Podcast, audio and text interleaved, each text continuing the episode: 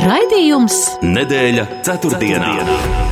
Sabiedrībā zināma cilvēku diskusija par nedēļas aktualitātēm katru ceturtdienu pēc pulksten 17. Nedēļa ceturtdienā. Projektu finansē Mēdīju atbalsta fonds no Latvijas valsts budžeta līdzekļiem. Sveicināti, kurzemes radio klausītāji! Tiekamies atkal ceturtdienā, sākot jaunu gadu, jaunu dzīves posmu, bet turpinoties procesiem, kas sākušies jau aizvadītajā gadā. Kāds gadu iesācis ar jaunu paradumu ieviešanu dzīvē, kāds ar attīrošām diētām pēc bagātīgo svētku, maltīšu baudīšanas, kāds ar jauniem skaistiem mērķiem. Šis gads pie tam labi iesācies ar pirmdienu. Daļa iedzīvotāju Latvijā plāno rūpīgāk sekot līdzi saviem personīgajiem izdevumiem bet, piemēram, Igaunijā veikta aptauja, kurā sakarā ar PVN likums palielinājumu liela daļa pierobežas iedzīvotāju plāno iepirkties kaimiņos Latvijā un arī Somijā. Pirms jaunā gada iestāšanās liela Latvijas sabiedrības daļa gaidīja valsts augstāko amatpersonu svētku uzrunas. Pēc tam tās tiek apspriestas, vērtētas, vētītas un tā tālāk, un tomēr katrs cenšas šajās runās arī saklausīt kaut ko sev. Vai tas ir izdevies arī šogad? Par to vēl vēl, protams, daudz mēs runājam un daudz dzirdam. Svētku dienās satraucošas ziņas saņēmām no Ukrainas, kur vairākas pilsētas tika pakļautas raķešu apšaudēm, un kā jau ierasts, Krievija sevi atkal pierādīja kā teroristu. Ukrainas ārlietu ministrs Dmitro Kuleba vakar apstiprinājis, ka NATO pieņēmusi Ukrainas pieprasījumu rīkot steidzamu sanāksmi saistībā ar plašajiem Krievijas uzbrukumiem Ukrainas pilsētām, tā ziņo mēdīs. Tāpat zināms, ka Ukraina tiecas uz dalību Eiropas Savienībā Savienībā, bet tuvojas Eiropas parlamenta vēlēšanas, un to rezultātiem, um, no to rezultātiem var būt arī atkarīgs turpmākais iestāšanās sarunu temps. Un vēl Latvijā, kā jau esam dzirdējuši, valdības virzītās prioritātes šajā gadā ir drošība, izglītība un veselība. Vēl joprojām izrādās nav skaidrības, kā skolās izglītības programmās integrēt valsts aizsardzības mācību. Un šovakar plašāk par tēmām sarunāšos ar raidījumu viesiem. Domnīcas Ziemeļa Eiropas politikas centrs eksperti Baibu Bļodnieci. Labvakar! Labvakar! Un žurnālistu TV24 ētera personību Kārli Streipu. Labvakar! Labvakar! Un jautājums ievadam. Jaungada apņemšanās fenomens. Varētu to nosaukt par tādu tiekšanos uz pārmaiņām ar diezgan īslaicīgu efektu. Kā jūs uh, varētu, nu, pēc savas pieredzes, varbūt draugu pieredzes, uh, jaungada apņemšanās noraksturot? Sākšu baiba ar jums. Oh, es domāju, ka jaungada apņemšanās, tāpat kā īstenībā jebkuras apņemšanās, vienalga vai viņas ir īslaicīgas vai ilglaicīgas, patiesībā ir labas. Tas uh, ļauj uh, padomāt, ko es gribētu nu, sevi attīstīt. Nav būtiski, vai tas ir fiziski, nu, vai tas ir nezinu, apmeklēt vairāk uh, kādus sporta zāles, vai, vai, vai vairāk lasīt grāmatas, vai vairāk iet uz, uz kultūras pasākumiem. Es domāju, ka pat ja tas ir īslaicīgi, tas tik un tā ir labi. Un, un man liekas, tā ik pa brīdim izvērtēt, ko es sevī varētu, ko es varētu darīt labāk, ko es gribētu darīt, labāk vai vairāk man liekas, ir labi. Tāpēc es esmu par jaunā gada apņemšanām. Es domāju, ka tas ir forši.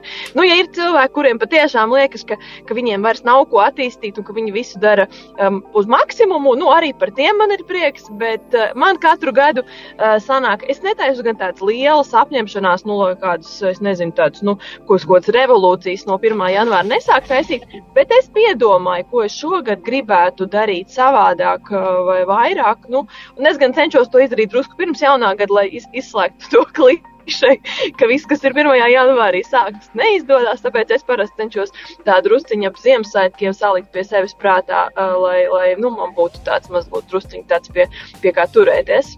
Nu, tā kā tā man. Jā, Kārli.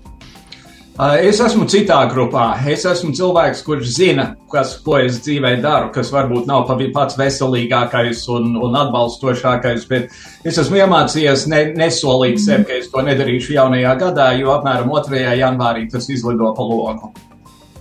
Ļoti īsi un konkrēti, vai ne? Jā, jā. Banka Citadele ir veikusi aptauju, aptaujājot 3000 Baltijas valstu iedzīvotājus vecumā no 18 līdz 74 gadiem, un um, populārākais tā tad ir rūpīgāk plānot savu budžetu, lai mazinātu ikdienas izdevumus. Tāds ir tāds uh, populārākā jaungada apņemšanās. Otra ir naudas iekrāšana ceļojumam, trešā ir atrast papildu darbu un piepelnīšanās iespējas, tad ir vēlētos arī 15% respondentu atrast jaunu, labāk apmaksātu darbu, arī krātu mājokļu iegādēji apņēmušies 10% un arī veikt regulāras iemaksas pensiju trešajā līmenī. Var sakot, ir dažādi šie, šie, šie, šīs apņemšanās, bet tai pašā laikā piekdaļa apmēram nu, 19% respondentu norāda, ka jaunajam gadam nav virzījuši nekādus finansiālos mērķus. Un, nu, šeit vairāk, protams, kā banka ir aptaujājusi par finansēm, par finanšu tādu pratību vai, vai kaut kā tā. Bet, nu, katrā ziņā cilvēki domā par to, jā, kā labāk dzīvot, kā vairāk nopelnīt un kā vairāk arī tērēt, vai ne?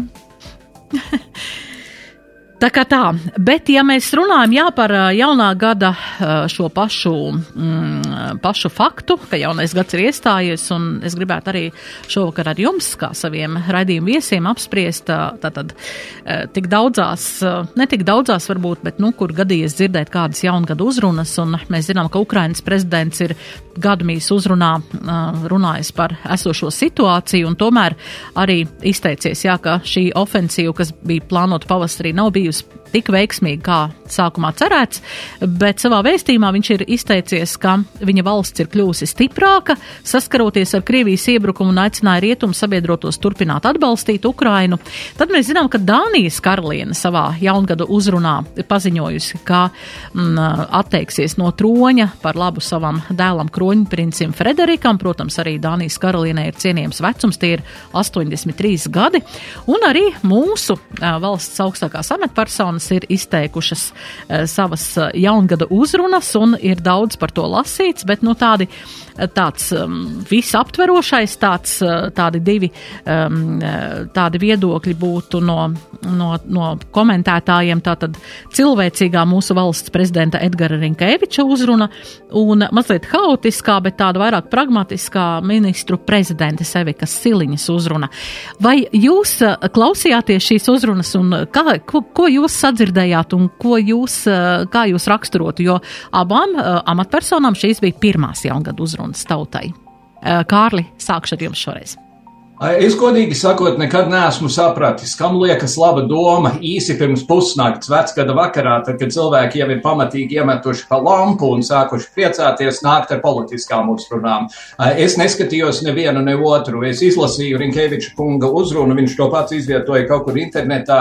Tā bija aizkustinoša, tā bija pārdomāta, tā bija ļoti uh, interesanta attiecībā uz to, ko prezidents vēlas nākamajā gadā redzēt šeit Latvijā. Uh, ministru prezidents uzrunu es neesmu redzējis un, un arī neskatījos. Jā, baiba, vai jums gadījās dzirdēt un Kas jums Jā, sakās? es, es, es, es otrādi es redzēju, es gan īstenībā redzēju abas divas, bet vairāk iedziļinājos ministru prezidents uzrunā. Nu, es teikšu tā, man ir, ir vairākas atziņas. Protams, var just, ka tā ir pirmā jaunā gada uzruna, un tāpēc es aicinātu viņai pieiet nu, ne tik kritiski, kā pēc tam tika pie, pieiets gan sociālos tīklos, gan Twitterī un citur. Uh, Uh, es, es teiktu tā, ka uh, man patika uh, uzruna. Man likās, ka viņa, viņa, viņai izdevās, es nezinu, vai tas bija apzināti vai neapzināti, es ceru, ka apzināti, nodot abus tos vēstījumus, ka viņa ir vien, nu, vienlaikus ministra prezidents. Un vienlaikus viņa ir, ir, ir sieviete, uh, kas nu, arī ar tādu drusciņu tādu sajūtu par, par, par to, ka tas ir tāds nu, liel, liels tāds cilvēcīgums tajā runā bija. Uh, man uh, likās tas, ko es, es, es gribētu uzsvērt, tas, kas man, kāpēc es pieminēju to sociālo tīklu reakciju pēc tam. Nu, tas gan ir kaut kas šaušalīgs, ko mums vajadzētu mēģināt izskaust. Ja ministra prezidents būtu bijis vīrietis ar šādu uzrunu, sociālos tīklos nebūtu šādas reakcijas bijis. Es esmu gatavs sadarēt. Tas, ka tika apspriests, kur viņa ir turējusi rokas, kur viņa ir, ir kādus tur žestus lietojusi un vēl nezinu kas, tas ir kaut kas neiedomājams. Es, bija jau Manuprāt, tā bija Zviedrijas premjera, kur pāris dienas atrodoties amatā, teica, eh, ka tas, eh, tas kāda kritika tiek vērsta pret sievietēm, politiķiem, tas ir vienkārši nu, tas ir, nu, neiedomājami par visu. Sevišķi par izskatu, kas ir vispār kaut kas fenomenāls. Bet, bet eh, vispār tas nav nekas tāds universāls tikai pie mums tur un Zviedrijā. Es savulaik esmu lasījis arī Eiropas, pirms Eiropas parlamenta vēlēšanām, ne šīm, bet vēl tur vairākām atpakaļ. Tik tā taisīts pētījums par to, kāpēc, nu, nu kas, respektīvi, tajā pētījumā viens no secinājumiem bija par priekšvēlēšanu kampaņām tas, ka pret sievietēm politikā tiek vērsta nesalīdzināma lielāka kritika par visu tiešām par visu, par to, ko viņas pasaka, kā viņas pasaka, kā viņas izskata. Un tāpēc, tāpēc es, es gribu aizstāvēt mūsu ministru prezidentu attiecībā pret visiem, kas šo kritiku šobrīd velta. Runa bija laba. Viņā nebija iespējams nekādas tur, uh, nu, pārmērīgas novitātes, bet varbūt arī taisnība uh, Kārlim, kurš saka, ka nu, jaunajā gadā tas nav politiskās, politiskais. Uh, platformu, kur detalizēti izklāstīt nākamā gada mērķus. Nē, tas tam nav domāts. Un, protams, ka ministra prezidentam jāatrod kaut kāds tāds rāms ceļš, kur tādu nu, reālu politiku tomēr parādīt tajā uh, jaunā gada uzrunā, bet vienlaicīgi, lai viņa nebūtu ļoti smagnēja. Es domāju, ka tas līdzsvars puslīdz tika rasts, un jā, tā ir pirmā uh, Eviks Siliņas uzruna uh, kā premjerei, tāpēc es, es vēl jau vairāk viņai nepieietu tik kritiski. Protams, mūsu, uh, mūsu prezidents Edgars Rinkēvičs kas ir nu, daudzus gadus jau bijis politikā, tā skaitā ārlietu ministra amatā. Protams, ka to spēja uh, iznest labāk. Nu, viņam arī kā prezidentam ir vēl vienkāršāk, burtiski nu, tieši pirms uh, jaunā gada ieskaņas uh, novēlēt visiem laimīgu jauno gadu. Uh, manuprāt, cilvēcīgi ļoti sirsnīga. Protams, ka man prasījās tomēr arī drusku vēriens. Uh, nu, tur gan es teiktu, ka man. Uh, nu, nu, pēc tam arī pieminētajos sociālos tīklos tika salīdzināta mūsu, mūsu prezidenta uzruna ar Somijas prezidenta uzrunu, kurš tomēr vairāk ieskicēja arī tādus ģeopolitiskos apstākļus, kuros mēs esam. Nu, viens ir novēlēt laimīgu jauno gadu, bet otrs ir apzināties, ka mums tas jaunais gads, nākamais, nākamais arī visiem ir jānodzīvo un kādos apstākļos mēs viņu dzīvosim un, un cik atbildīgi tas man iztrūka. Bet, nu, es domāju, ka mūsu prezidents apzināti iet to ceļu, ka viņš ir mēģina būt tuvu cilvēkiem, un es domāju, ka tas ir labi, jo, manuprāt, nu, pret iepriekšējiem prezidentiem varbūt tas arī ir tas, kas cilvēkiem ir trūcis, tāds vienkārši cilvēcīgas uh, sapratni, ka viņš ir nu, arī cilvēks.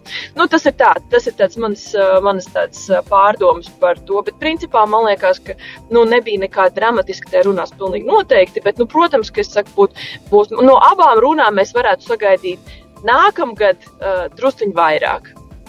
Jā, mūsu arī uh, politologs un sabiedrisko attiecību speciālists Filips Rajevskis ir atzinis, ka um, valsts prezidenta uzruna bijusi ļoti vienkāršā stilā, un tas esot jaunums Latvijā. Patiesībā man arī šķiet, ka nu, es no esošiem prezidentiem nebiju dzirdējusi kaut ko tik, tik vienkārši. Viņi vairāk, man liekas, atgādināja tādu Ziemassvētku uzrunu. Tā kā, nu, tādos ģimenes svētkos kaut kā. Gan drīz vai dzēnieciski tā runa bija. Attiecībā uz sievietēm viena sieviete, kas sevišķi par to runāja, bija Jaunzēlandes premjerministra. Tajā skaitā, kurai bija kritika, tāpēc, ka viņa nāca uz darbu ar zīdaini un reizēm baroja viņu pie krūts. Sociālā tīkla nav rādītājs. Sociālā tīklos cilvēki sajūtās, ka viņi ir anonīmi un viņi var gāzt absolūti jebkādus mēslus absolūti jebkām. Un, uh, es, la, es rakstu komentārus Latvijas avīzē, un uh, pēc, pirmā gada atslēdz iespēju komentēt, jo neviens nerunāja par tēmu, pederasts raksta, stulbais amerikānis un tā tālāk. Šie cilvēki ir než, nožēlojami, viņi pašiem sev nepatīk, man ir aizdomas, viņi, viņi es, es nezinu, vai alkoholiķi vai kas viņi ir, bet tas nav absolūti nekāds rādītājs par tautas noskaņojumu. Jā, bet ja būtu jāraksta vārds un uzvārds pie komentāra klāt, eh, jums šķiet, ka. Ja ne... Nekad mūžā, nekad, nekad mūžā. mūžā tādas neatļautos. Jo, jo šie cilvēki arī man acīs skatoties, nekad tā kaut ko neteiktu. Jā, es domāju, ka tas arī ir eh, viens no iemesliem, jā, ka mēs tā varam, ka mūs neatpazīst, un tad mēs spējam tā visu kaut ko izteikt tāds diezgan liels teiksim, riebeklības, ko, ko patiesībā neklātos runāt eh, cilvēkiem, kas ir kaut cik nu, ar tādu intelektu. Jā. Pažitā. Ja mēs runājam par, um, par nākamajām tēmām, tātad es jau minēju, ka uh, Ukrainas prezidents uh, savā runā savukārt raksturoja situāciju Ukrainā un, un savu tautu atkal uzrunāja. Mēs zinām, ka Ukrainas prezidents jau no savām pirmajām runām, es domāju, ir, ir vienmēr bijis tāds, kam ir, nu, kas uzliek latiņu valsts pirmajai personai, kā uzrunāt tautu, kā sarunāties ar, ar šiem startautiskajiem partneriem un, un saviem sabiedrotajiem. Kā jūs redzat arī šī Ukrainas prezidenta uzrunas un, un vispār šo, šo iešanu uz āru no, no, no, no savas valsts pie, pie, pie saviem sabiedrotajiem? Vai, vai nav manāms nogurums tajā, vai joprojām ir tas domas asums un tas, kā, kā jūs vērtējat? Tūlīt jau divi gadi kopš, kopš mēs zinām, Zelenskis ir vienmēr bijis tādā uzmanības centrā, tiekoties vai, vai, vai vizītēs vai pie viņa vizītēs brauc viesi. Kā jūs redzat viņa šajā mm, komunikācijā, Baiba? Nu, es teiktu, es domāju, ka, protams, ka ir nogurums. Es domāju, ka ne tikai Zelenskiem, bet ļoti daudziem uh, Ukraiņas uh, gan politiķiem, gan vēl jau vairāk uh, karavīriem ir, ir milzīgs nogurums. Bet tā īsa atbilde ir tā, ka viņiem jau nav izvēles. Un tieši tas arī, ko Ukraiņi man paši ir, no, kad es viņiem ar viņiem runājot, vai pie viņiem viesojoties, esmu nu, runājis, nu, kā jums, nu, cik, nu, ko, nu, kā, nu, kā jūs vēl varat kā, nu, to visu. Tad viņi saka, nu, kā, nu, tas ir viens, tas, ka viņiem nav izvēles, tas viņi to arī atbild, nu, kas mums cits atliek. Un otrs, eh, Ukrāņi jau optimismā saka, nu, nekas atpūtīsimies, kad būsim uzvarējuši. Uh, un es domāju, ka tieši tas ir tas noskaņojums, kādā viņi mēģina dzīvot. Protams, ka tas ir ar vienu nu, karam, kas ir iegājis jau tādā ilgā kara fāzē, tas ir ļoti liels izaicinājums. Uh, protams, ka nu, Zaļenskim mums no malas šķiet, ka ir milzīgs atbalsts, bet viņam, protams, iekšēji Ukrainā ir arī milzīga kritika šobrīd. Un viņa tā kritika, jo ilgāk tas karš ievalkās, jo, jo viņa ir lielāka. Nu, tas ir normāli, tā tas notiek. Bet nu, Zaļenska uzrunai. Viņai jau, viņai jau arī nav, viņam jau arī nav izvēles. Nu, tai uzrunas skaidrs, ka viņam, nu, ja viņam jaunajā, jaunā gada naktis notiek ar uh, milzīgiem raķešu uzlidojumiem uh, tieši Kievai, tad, protams, ka viņa galvenais uzdevums ir aizsargāt un dabūt ieroču savai valstī, lai viņi varētu to pārtraukt. Uh, un, ka viņiem tuvākie trīs mēneši, kamēr uh, Krievijā būs uh, tā terorista pārvēlēšanas, būs uh, ļoti sarežģītas. Nu, cerams, ka pēc tam tas viss uzlabosies. Cerams, pirmkārt, viņiem piegādās ieročus, lai viņi varētu arī tajā pretgaisa aizsardzībā tomēr daudz efektīvāk rīkoties un pienācīgi rīkoties no nu, apjomā. Bet nu, vienlaicīgi arī cerams, ka tas nu, karš kaut kādā mērā izdosies viņu savākt. Nu, šobrīd gan tiešām no. Nu, nav, skā, nu, nav šobrīd cerība, ka tas ilglaicīgais karš kaut kur redzētu īslaicīgu ātrāku, ātru risinājumu. Tāpēc, tāpēc es domāju, ka Zelenskis nu, to dara, ko var izdarīt. Nu, šobrīd, protams, ka notiek arī Ukrainā diskusijas par to, vai uh, ir iespējams uh, rīkot uh, vēlēšanas, prezidenta vēlēšanas uh, kara laikā. Tas ir ļoti, ļoti sarežģīts jautājums. No vienas puses var teikt, ka, nu, kas tad tur sarīkojot vēlēšanas, bet no otras puses iedomājieties, ka kā ir iespējams nodrošināt demokrātisku procesu uz vēlēšanām, nu, kandidātu kaut vai sacensībai, kā ir iespējams nodrošināt to, lai Krievijas kādi mērķēti uh, aģenti nekļūst šobrīd par Ukrainas prezidentiem, piemēram, bet vēl sarežģītāk ir, kā nodrošināt praktiski vēlēšanas, piemēram, uh, reģionos, kas ir, nu, vai nu uh, okupēti, vai arī kuros ir, nu, kur atrodas konflikta zonās. Līdz ar to nu, tas ir tādā ziņā šobrīd, nu, līdz ar to tur ir Ukraina ļoti, ļoti daudz izaicinājumu šobrīd, nu, tāpēc arī uh, Zaļenskim, nu, es teiktu, nu, nav izvēles, nu, viņam ir jādara tas, ko viņš spēja, jāspēj saņemties. Es ceru, ka, un ir redzams, ka viņa, nu, sieva un ģimene viņam ir blakus un viņa būtiski atbalsta. Nu, mēs varam Ukraiņiem tikai novēlēt, uh, lai viņi Uh, nu, no, šā, savā nogurumā katrs individuāli, ne jau tikai Zeļens, bet visas augstākās amatpersonas un Ukraiņas tauta kopumā no atrod spēku iekšēji pēc iespējas mazāk kašķēties un turpināt virzīties uz to vienoto mērķi, kas saucas uzvaru karā, kas saucas Eiropas Savienību, kas saucas NATO. Un tas droši vien būtu tas, ko es novēlētu. Jā, Kārli, vai ir kas piebilstams? Ir piebilstamas pāris lietas. Pirmkārt, eh, man liekas, ka Ukraina jau ir pateikusi, ka vēlēšanas nebūs eh, kaut vai tikai tāpēc, ka miljoniem Ukraiņu pat labi ir ārzemēs un Ukrainai nekur nav konsulāras iestādes, kas varētu ņemt desmitiem vai simtiem tūkstošu cilvēku vēlēšanu dienā. Tas ir pirmkārt. Bet otrkārt, eh, brīvdienās Igaunijas aizsardzības ministrija publicēja diezgan detalizētu ziņojumu par to, kas Ukrainai ir vajadzīgs, kurā principā bija teikts, ja visas valstis, kuras viņu atbalsta, veltītu 2% savu militāro izdevumu, lai sniegtu ieročus un cita veida atbalstu Ukrainai, tad Ukraina varētu daudz aktīvāk un daudz veiksmīgāk šo karu vest.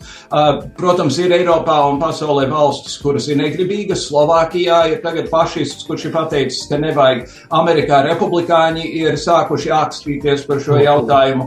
Bet uh, es, es piekrītu Baibai. Es ļoti ceru, ka pasaule nāks Ukrainai palīgā vēl un vēl un vēl un vēl un vēl un vēl līdz brīdim, kad fašistam būs sadots pa purnu. Un pēdējais, ko es par to pateikšu, es gaidu, ka Krievijā būs uh, valsts apvērsums no ģenerāļiem, jo viņi zina, kas tas ir par asi, ir par asinspirti, un tas viss notiek viena konkrēta kretīna ambīciju un patmīlības dēļ. Jā, Ukrainas ārlietu ministrs ir um, apstiprinājis arī, ka NATO pieņēmusi Ukrainas pieprasījumu rīkot steidzamu sanāksmu saistībā ar šiem uh, pēdējo uh, dienu Krievijas uzbrukumiem Ukrainas pilsētām. Um, ko tas varētu, par ko varētu būt šīs uh, tikšanās, šīs sarunas, um, kāda varētu būt risinājumi, baiva vai ir kaut kas prognozējams? Nu, es domāju, ka tas ir principā visticamāk, ka mēs precīzi šīs sarunas izklāstu neredzēsim tikai to, ka Ukraina visticamāk lūgs daudz lielāku atbalstu, uh, atbalstu pretgaisa aizsardzībā. Tas jau ir izskanējis, uh, un es domāju, ka tur būs arī uh, detalizētāk no NATO valstu aizsardzības ministriem pieejama informācija arī par to, cik īsti Ukraiņas rīcībā ir vai nav, cik viņiem ir vajadzīgs šis pretgaisa aizsardzības tās raķets. Tā skaitā bija runa par to, ka Amerika varētu nosūtīt papildus arī, arī patriotu vēl sistēmas, ne tikai pašas sistēmas, bet arī arī uh, raķetes, kas ir nepieciešams, lai šīs sistēmas varētu arī no efektīvi darboties. Es domāju, ka tas būs jautājums par to, uh, cik, cik tieši šis atbalsts ir vajadzīgs, ņemot vērā šo Krievijas uzsākto ļoti aktīvo, uh, jā, uh, atkal uh, uzlidojumus no gaisa. Bet, nu, protams, arī, arī pa zemi šajā frontē viņiem iet uh, arī ļoti smagi. Nu, un, uh, ja mēs, nu, lai saprastu, par ko ir runa, ka šobrīd Krievijas rīcībā un tas, ko viņi frontē izšauja, aptuveni ir desmit reizes vairāk munīcijas, kā, ir, kā izšauja Ukraina. Nu, tad līdz ar to iedomājieties, ka nu, tas pat nav runa par to, nu, tas, tas milzīgais spēks, kas ir Ukraiņiem, protams, ir apbrīnojams, bet jebkurā gadījumā gadījumā, nu, ja jums ir desmit reizes uh, vairāk, uh, nu, ko jūs izšaujat, nu, vai tas ir desmit raķetes vai simts raķetes, nu, iedomājieties, ja? Tad līdz ar to te frontē, protams, viņiem ir ļoti sarežģīti un ieroči viņiem uh, trūkst katastrofāli. Bet, nu, protams, arī jautājums visu laiku ir bijis, un tagad jau mēs arī redzam, ka Ukraiņi, protams, efektīvāk. Viņiem ir vajadzīgs arī tāls darbības uh, uh, ieroči, lai varētu tā skaitā arī uh, precīzāk uh, atbildēt uh, tām bāzēm, no kurām tiek izšautas uh, raķetes uz Ukrainas teritoriju.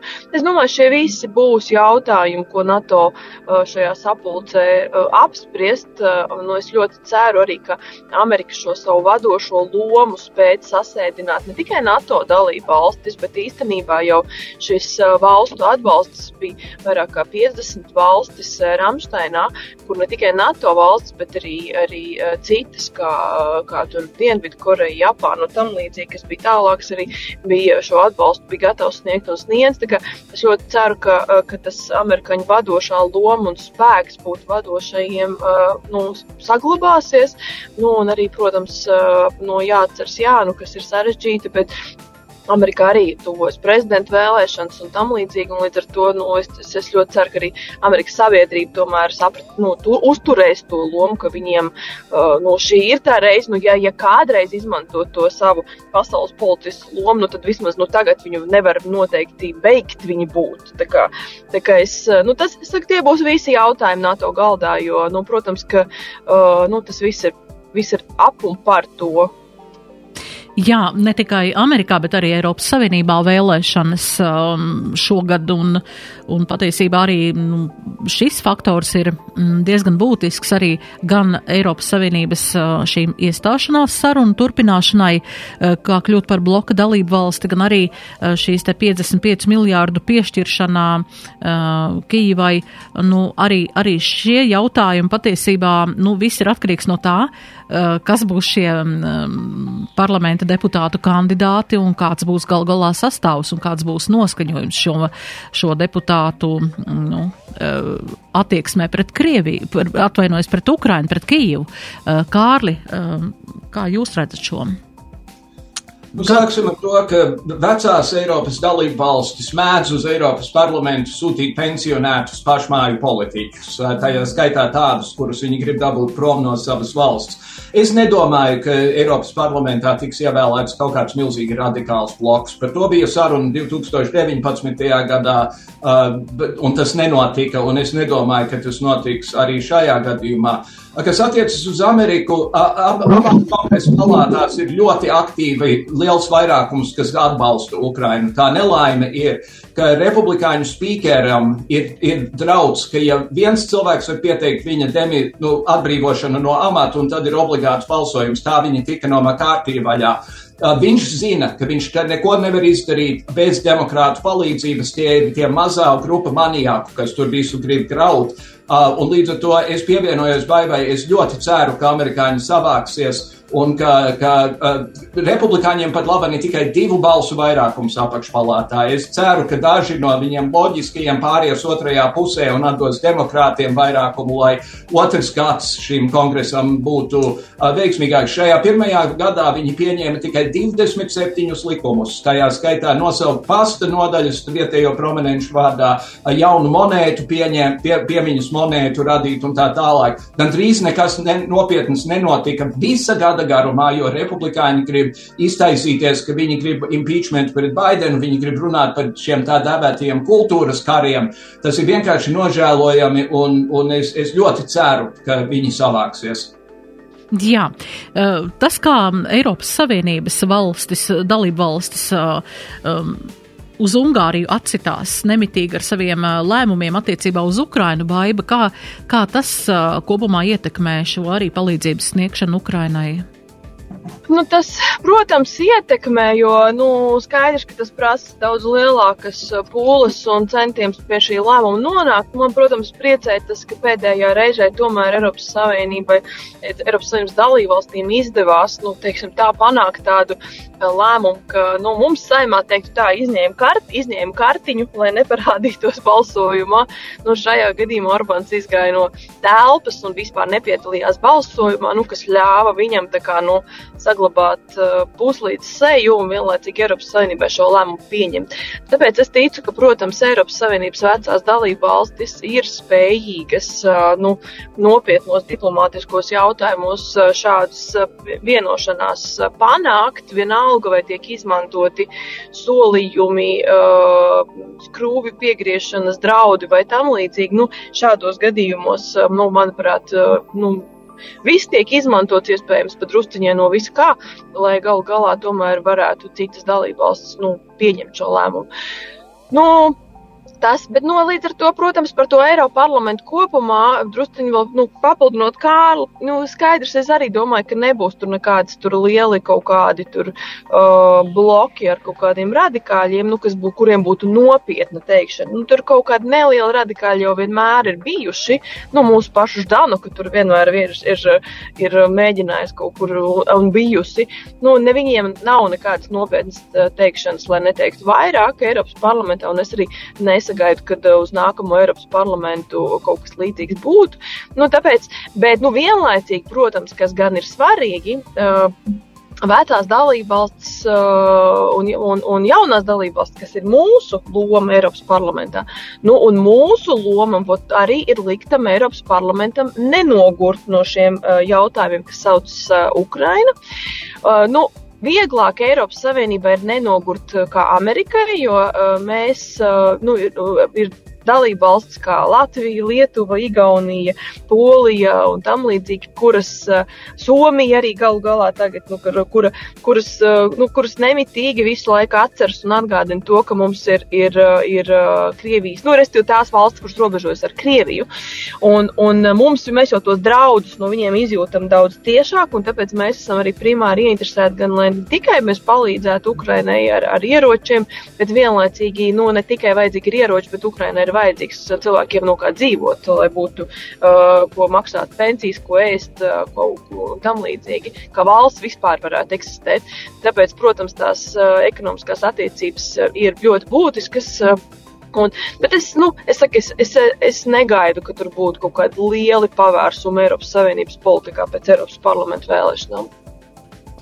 Jā, nu, tagad ir arī Ir tāds uh, pienācis laiks, kad arī Latvijas aizsardzības un iekšlietu nozares plāno darbu uh, vairāk pārorientē, pārorientēt no ārkārtas reaģēšanu uz tā, reaģēšanas uz tādu ilgtermiņa gatavību, un uh, par to ir arī runāts Latvijas drošības un aizsardzības industrija federācijas, uh, tātad uh, šajās um, uh, tikšanās un arī Eiropas aizsardzības aģentūras valdē 27 Eiropas valstu aizsardzības ministri apstiprinājuši šādu spēju un attīstības prioritātes, kas būs pamats arī aizsardzības plānošanai.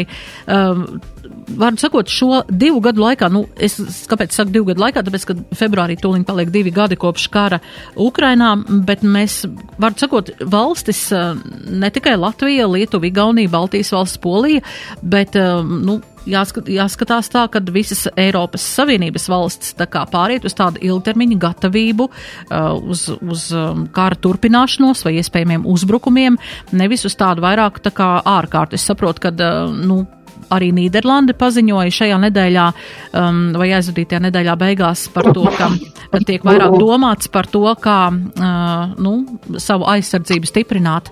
Um, tas laiks ir pienācis pārāk vēlu vai, vai, vai pārāk nopietna situācija ir kļuvusi, lai par to vairāk domātu, Baiba? O, es domāju, ka tā situācija, protams, ir sarežģīta un viņa nepaliek vieglāk, lai teiktu tā. Un, protams, ka tas ir, ir labi, ka to apzināmies ne tikai mēs, bet ka to apzinas arī valstis, kas ir tālāk no Krievijas robežām, bet kas ir NATO dalība valstis. Principā kopumā eh, es teiktu tā, ka es sadalītu šo lēmumu divās daļās. Viens, kas attiecās uz ilgtermiņa gatavību, mums tas ir ļoti, ļoti svarīgi. Nevis tikai, ka mums ir plāns, ka, ja nu gadījumā kaut kas notiek, kā mēs jums iesim palīgā, bet kā mēs ilgtermiņā saprotam, ka tas draudz ir reāls un ka var nākties karot. Šī apziņa, ja viņa no aizies līdz šo valstu cilvēkiem, nu, kā minimums politikas veidotājiem, tam līdzīgi ir ļoti svarīgi mūsu drošībai. Tas ir nu, strateģiski ļoti svarīgs faktors apzināties, ka karš tiešām ir iespējams, jo pēdējos nu, jau 50, nu, kopš otrā pasaules kara faktiski uh, Eiropā tā sajūta jau ir, ka, nu, visticamāk, mēs strādājam pie tā, lai Eiropā nekarš, nekad karš nebūtu. Nu, Ukrainas karš, es domāju, ka pamodināja to sajūtu, ka viņš var tomēr būt un arī Eiropā. Bet es domāju, ka šajos pēdējos divos gados viss, kas ir ko darījusi ir Krievija un, un ko turpina darīt Krievija un retorika, kur turpina izvērst, uh, rada sajūtu, ka, uh, ka tomēr nevar izslēgt uh, militāru sadursmi, tā skaitā ar Krieviju, un respektīvi, nu, vairāk tiešām tādā ziņā, ka nav nekas neliec par to, ka Krievija taisītos kaut kur apstāties, kaut kur norimties. Es domāju, tieši pretēji tās viņu imperialistiskās ambīcijas ar vienu vien iet plašumā. Un, un nu, tādā arī tā skaitā, nu, ko mēs varam redzēt, uh, dzirdēt, kā atskaņas no, no tā, kas tiek uh, raidīts uh, Krievijas mēdījos. Tāpēc es pat, un, un arī, arī pie visas tās militārās industrijas, un jo Krievija šobrīd visa Krievijas ekonomika ir pārgājusi uz kara laika ekonomiku, kara laika ražošanu. Un es, nu, saprot, nu, kā tas, nu, tas, tas nav plāns, ka tas attiecās tikai uz Ukrainu. Viņi principā gatavojas, ka var būt arī, ka viņiem ir jākaro, un tas nozīmē, ka jebkurs, jebkurš sīkākais konflikts var eskalēties iespējams vēl lielākā konfliktā. Tāpēc es domāju, ka no mūsu viedokļa tas ir ļoti svarīgi. Tas, kas attiecās, nu, bet mēs to, protams, sapratām jau divus gadus atpakaļ, kad sākām gatavoties šim militārajā ziņā. Bet, nu, protams, cik mēs, kā maza valsts, spējam maksimāli tam veltīt gan finanšu resursus, gan maksimāli aicinot, tā izvietot šeit uh, brigādi, kanādus, viņu tiešām veidot un tam līdzīgi. Bet otrs, gan, kur es gribētu norādīt, mēs runājam par, par mūsu uh, drošību arī iekšlietu ziņā, un tur gan mēs esam vienkārši nu, no bremzes. Nu, es teiktu, ka mēs esam vienkārši nožēlojami bezatbildīgi tajā, ka mēs patiesībā nedaram neko. Nu, tad es gribu pievērst uzmanību nākamā, nākamajā nedēļā. Ministra kabinetā tiks skatīts ziņojums par to rīcību bumbu, ar bumbu patvērtnēm. Vai mēs, vai un ko mēs darām. Un bija uh, burtiski pirms pāris dienām kruspunktā raidījumā šī, šī tēma tika cilāta Latvijas rādījos. Un, un, un ziniet, nu es, es teiktu tā, ka tas, tā atbilde bija diezgan vienkārša. Es, mēs zinām, kas notiek Lietuvā un Igaunijā. Tad paskatīsimies pēdējos divus gadus, kas ir noticis. Ne Lietuvā, ne Igaunijā nebija bumbu patvērtņu tīkls. Nav joprojām, jo visi, kā, kā tāpatās kā Latvijā, viņu pirms gadiem desmit aptuveni, visi nospried, ka to vairs nevajadzēs. Nu, faktiski likvidēja, atdeva privātajiem, kuru tur vispār likvidēja, kurus pārtaisīja par noliktavām. Nav būtiski, vienkārši bumbu patvērtnes nebija. Pirms diviem gadiem uh, bez nekāda regulējuma, bez normatīvajiem aktiem, bez detalizētiem izstrādātiem projektiem, gan Lietuvā, gan Igaunijā ir apzināts viss, ko var izmantot kā patvērtnes, gan īslaicīgas, gan ilglaicīgas, kuras ir ne, un arī īslaicīgas, tur ir trīs kategoriju patvērtnes, nav jāk iedziļināties, bet, bet būtiskākais ir tas, ka uh, apzināts ir viss, sākot, kā piemēram Lietuva pēdējais, ko apzināja, bija, bija baznīcas, zem kurām ir, ir pagrabi, kur ir nepieciešams kaut kāds kāds pielāgojums, lai viņas varētu uh, izmantot uh, kā īslaicīgu patvērumu. Mums šeit divos gados mēs esam tikai apsteigājuši to, kas ir bijis. Nevienu nesam atzīmējuši, jo tagad mēs gaidām konceptuālu lēmumu, kā tad mēs virsīsimies kāds būs tad ekonomikas ministrija līdz gada beigām izstrādās nepieciešamo normatīvo regulējumu, tehniskās prasības patvērtnēm, un tad mēs runāsim par finansējumu, kāds tam ir nepieciešams, un tad mēs viņas sāksim izbūvēt. Nu, tā ir, ot, man liekas, visstrakākā lieta kas ir tas, kas ir šajos attiecībā, jo nu, tāda ilgtermiņa aizsardzība tas nav tikai militāra aizsardzība. Jautājums ir, ko mēs darām arī civilajā. Un civilajā mēs esam šos divus gadus, piedodiet, vienkārši izmetuši vējā. Un bijām tieši tajā pašā situācijā, kur bija lietuvieši un igauni. Un viņiem tagad ir vairāk kā Lietuvā, manuprāt, vairāk kā 300 apzināts jau patvērtnes, iespējams, nu jau ir vairāk. Un Tallinā ir līdzīgi.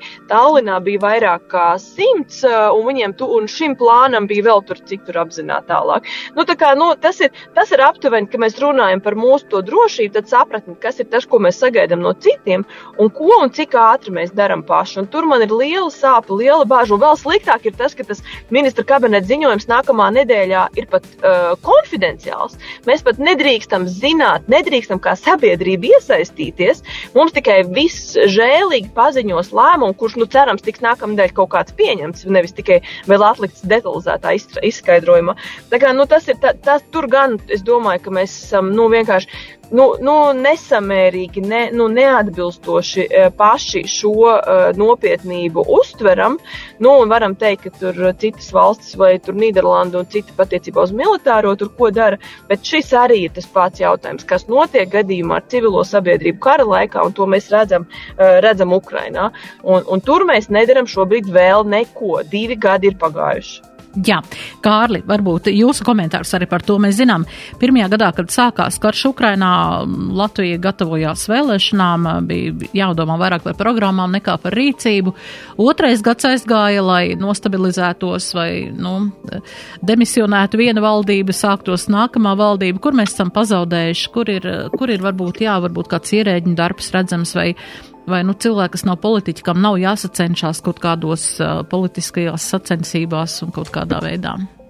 Ir, ir patiesībā trakāk nekā Baiva minēja. Tas patvērsmes jautājums ir runāts kopš neatkarības atjaunošanas pa ik pa brīdim, un uh, bumbu patvērsme ir tāda diezgan vecmodīga, vecmodīgs elements karošanā. Uh, Par ko es gribētu minēt, ir, ka Somija ir slēgusi savu robežu ar Krieviju, Lietuva ir slēgusi savu robežu ar Krieviju un Baltkrieviju, Igaunija ir slēgusi savu robežu ar Krieviju, Polija ir slēgusi savu robežu ar attiecīgajām valstīm. Mūsu robeža ar Krieviju būs slēgta kaut kad, varbūt pēc kādiem diviem gadiem, varbūt pēc trīs gadiem. Mums ir iepirkumi, mums ir jādomā, mums ir jāskatās. Man šodien bija saruna ar aizsardzības ministrijas parlamentāro sekretāru, kurš teica, ka tur tagad ir iesaistīti zemes sargi un arī bruņoties spēki un armija. Tas droši vien notiks ātrāk. Bet, ja Somija savu milzīgi garo robežu varēja kontrolēt un slēgt, mums nav tik gara tā robeža, un mēs čamājamies. Arī ar, ar robežu ar Baltkrieviju arī vēl nav izbūvēta. Jā. Pēdējais, ko es gribu teikt, E, es neticu, ka Krievijas bruņoties spēki ļautu Putinam uzsākt karu pret NATO. Tas, tas būtu tāds neprāts, jo Baidens ir skaidri pateicis, e, Krievija, es zinu, cer, ka Trumps uzvarēs nākamgad novembrī un tad būs brīvākas rokas, bet es neticu, ka viņš uzvarēs, un Baidens ir skaidri pateicis, katrs kvadrātcentimetrs NATO teritorijas mēs to aizsargāsim un nedomā vecīt tur kaut ko mēģināt darīt. Un pēdējā lieta, ko es gribu piebilst, brīvdienās Krievija bombardēja pati savu pilsētu, Tūlīt bija apgalvojums, ka neviens nav cietis, kas nozīmē, ka cieta ļoti daudz cilvēki. Jā, nu, protams, informatīvais karš arī notiek, un viņi nekad neatzīst to. Jā, bet noslēgumā vēl mums četras minūtes līdz redzījuma beigām par šo te valsts aizsardzības mācību skolās, jo kā Latvijas izglītības vadītāju asociācijas vadītājs um, Kalvāna kungs ir, Rudolfs Kalvāns izteicies, ka šobrīd vēl starp um, aizsardzības ministru un izglītības ministriju nav tāda vienošanās par to, kā ieviest un uh, kā šo valsts aizsardzības mācību uh, uz kādu rēķinā palielināt šo apmācāmo šo mācību priekšmetu apgūstamo skaitu, jo, jo nu, vēl īsti nav skaidrs, vai kādas stundas samazināt, kas jau ir esošās, vai papildus tam likt, un kāds būs vērtējums, un kā motivēt šos um, izglītojamos ierasties, jo tas būs fakultatīvais kurs, bet vienlaiks arī obligāts kurs. Kā jūs redzat, kā mums veicās ar um, šo valsts aizsardzības mācību ieviešanu izglītības sistēmā, vispār izglītojošajās skolās baiba? Nu, es īsi pavisam par statistiku, jo mums ir Latvijā ir 300 vispār izglītošās skolas, no kurām 184 skolās valsts aizsardzības mācība jau ir ieviesta. Tagad mēs runājam par 120 skolām. Lēmums par valsts aizsardzības mācības ieviešanu bija pieņemts 18. gadā, tika saskaņots un programmu radīja valsts izglītības satura centrs, izglītības ministrijas.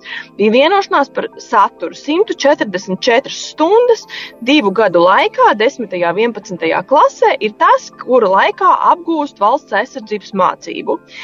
Tas, kas ir vienkārši notiek šobrīd, ir vienkārši nožēlojami. Skolas saturs šobrīd, kas ir 20, skola 2030, tika radīta 19. gadā. Tas ir gadu pēc tam, kad tika jau šis valsts aizsardzības mācību likumā ierakstīts, ka viņa būs.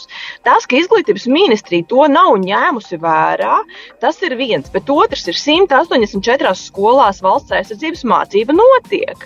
Viņa notiek, kā tie skolotāji, kā saka direktori, uz dažādu mīksto priekšmetu uh, rēķina, kā piemēram teātras mācības, dažādi runas, mā... mums ir vēl dažādi mistiski priekšmeti, kas ir ieviesti, kur ir projektu nedēļas, es atvainojos, un tam līdzīgi.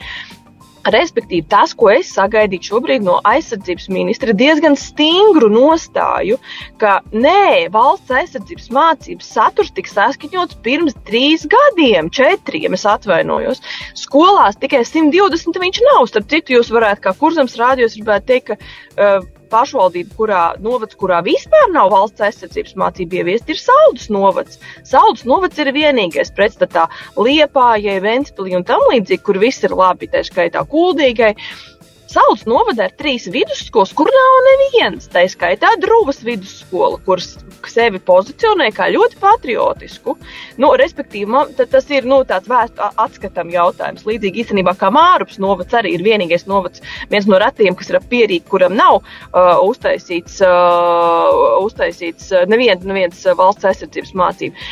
Tāpēc uh, tas, eh, manuprāt, svarīgākais jautājums ir tas, ka beigt izlikties, ka mēs nevaram uh, ieviest valsts aizsardzības mācību. Šobrīd tas, kas, manuprāt, notiek, ir tīra sabotāža, jo no 300 skolās 184 jau direktori ir atraduši uh, iespēju ieviest uz esošo, uh, esošo priekšmetu rēķina vai uz, nu, tās viņas pašas saka, uz mīksto priekšmetu rēķina vai arī uz to priekšmetu rēķina, kuros viņi nevar atsevišķos gadījumos atrast pedagogus. Nu, vai pienācīgu skaitu stundu nodrošināt. Ah, bet, eh, principā, es teiktu, ka uh, tas ir ne, neadekvāti jautāt šo jautājumu aizsardzības ministram. Un aizsardzības ministram nav jāmeklē izglītības ministrijas satura. Nu, ziniet, es teiktu tā, ka ja patiešām ir tā, ka mums uh, nevajag bērnus pārslogot, jā, vairāk par 36 stundām nedēļā, pilnībā piekrītu. Bet, nu, varbūt es atvainos, tad mēs varam pagarināt tomēr mācību gadu, vismaz vidusskolās, līdz jāņem, kā tas ir citās valstīs. Jo es saprotu arī, ka vienīgais aprēķins, kas ir arī uh, apspriests, kas tad nāktu izmaksās klāt valstī, ir ēdināšana bērniem. Jo skolotājiem algas tiek maksātas arī par, par, par jūniju, visas uzturēšanas, elektrības un tam līdzīgas skolām notiek arī jūnijā. Nu, tad es atvainos, varbūt tiešām mums ir jāsaprot, nu, nu, mums, nu, varbūt mums ir tiešām šobrīd tad, nu, kaut kādās tādās kategorijās jāiet, bet tas nav jautājums aizsardzības ministram, tas ir jautājums izglītības ministram. Jā, Kārli, īsi jums, un tad mums jābeidz arī. Es, es gribētu tikai teikt, ka, ja Latvijas jaunieši grib piedalīties valsts aizsardzībā, tad vajag sākt ar jaunsargiem un skatīties uz zemesargiem un arī skatīties uz dienestu Latvijas bruņotajos spēkos. Es neesmu pārliecināts, ka skolās eh, kaut kas tiešām tiek iemācīts. Jā, paldies jums par eh, sarunu šai vakarā, par viedokļiem, par skaidrojumiem un eh, novēlu jums tādu mierpilnu, bet darbīgu jauno 2024. gadu un uz tikšanos atkal turpmāk. Šajā vakarā sarunā, sarunājos ar Domnīcas Ziemeļa Eiropas politikas centras eksperti Baibu Bļodnieci. Paldies, Baiba! Un, Paldies, ar labvakar! Un, un žurnālistu TV24 ētera personību Kārli Streipu. Paldies arī Kārli jums! Paldies, paldies, paldies! Raidījumā producente Anda Andersoni pie skaņu pults bija mans kolēģis Emīls Kuplais, raidījumu vadījies Dace Blūma. Uz tikšanos turpmāk! Raidījums Nedēļa ceturtdienā! ceturtdienā. Sabiedrībā zināma cilvēku diskusija par nedēļas aktualitātēm katru ceturtdienu pēc pulksten 17. Nedēļa ceturtdienā. Projektu finansē Mēdīju atbalsta fonds no Latvijas valsts budžeta līdzekļiem.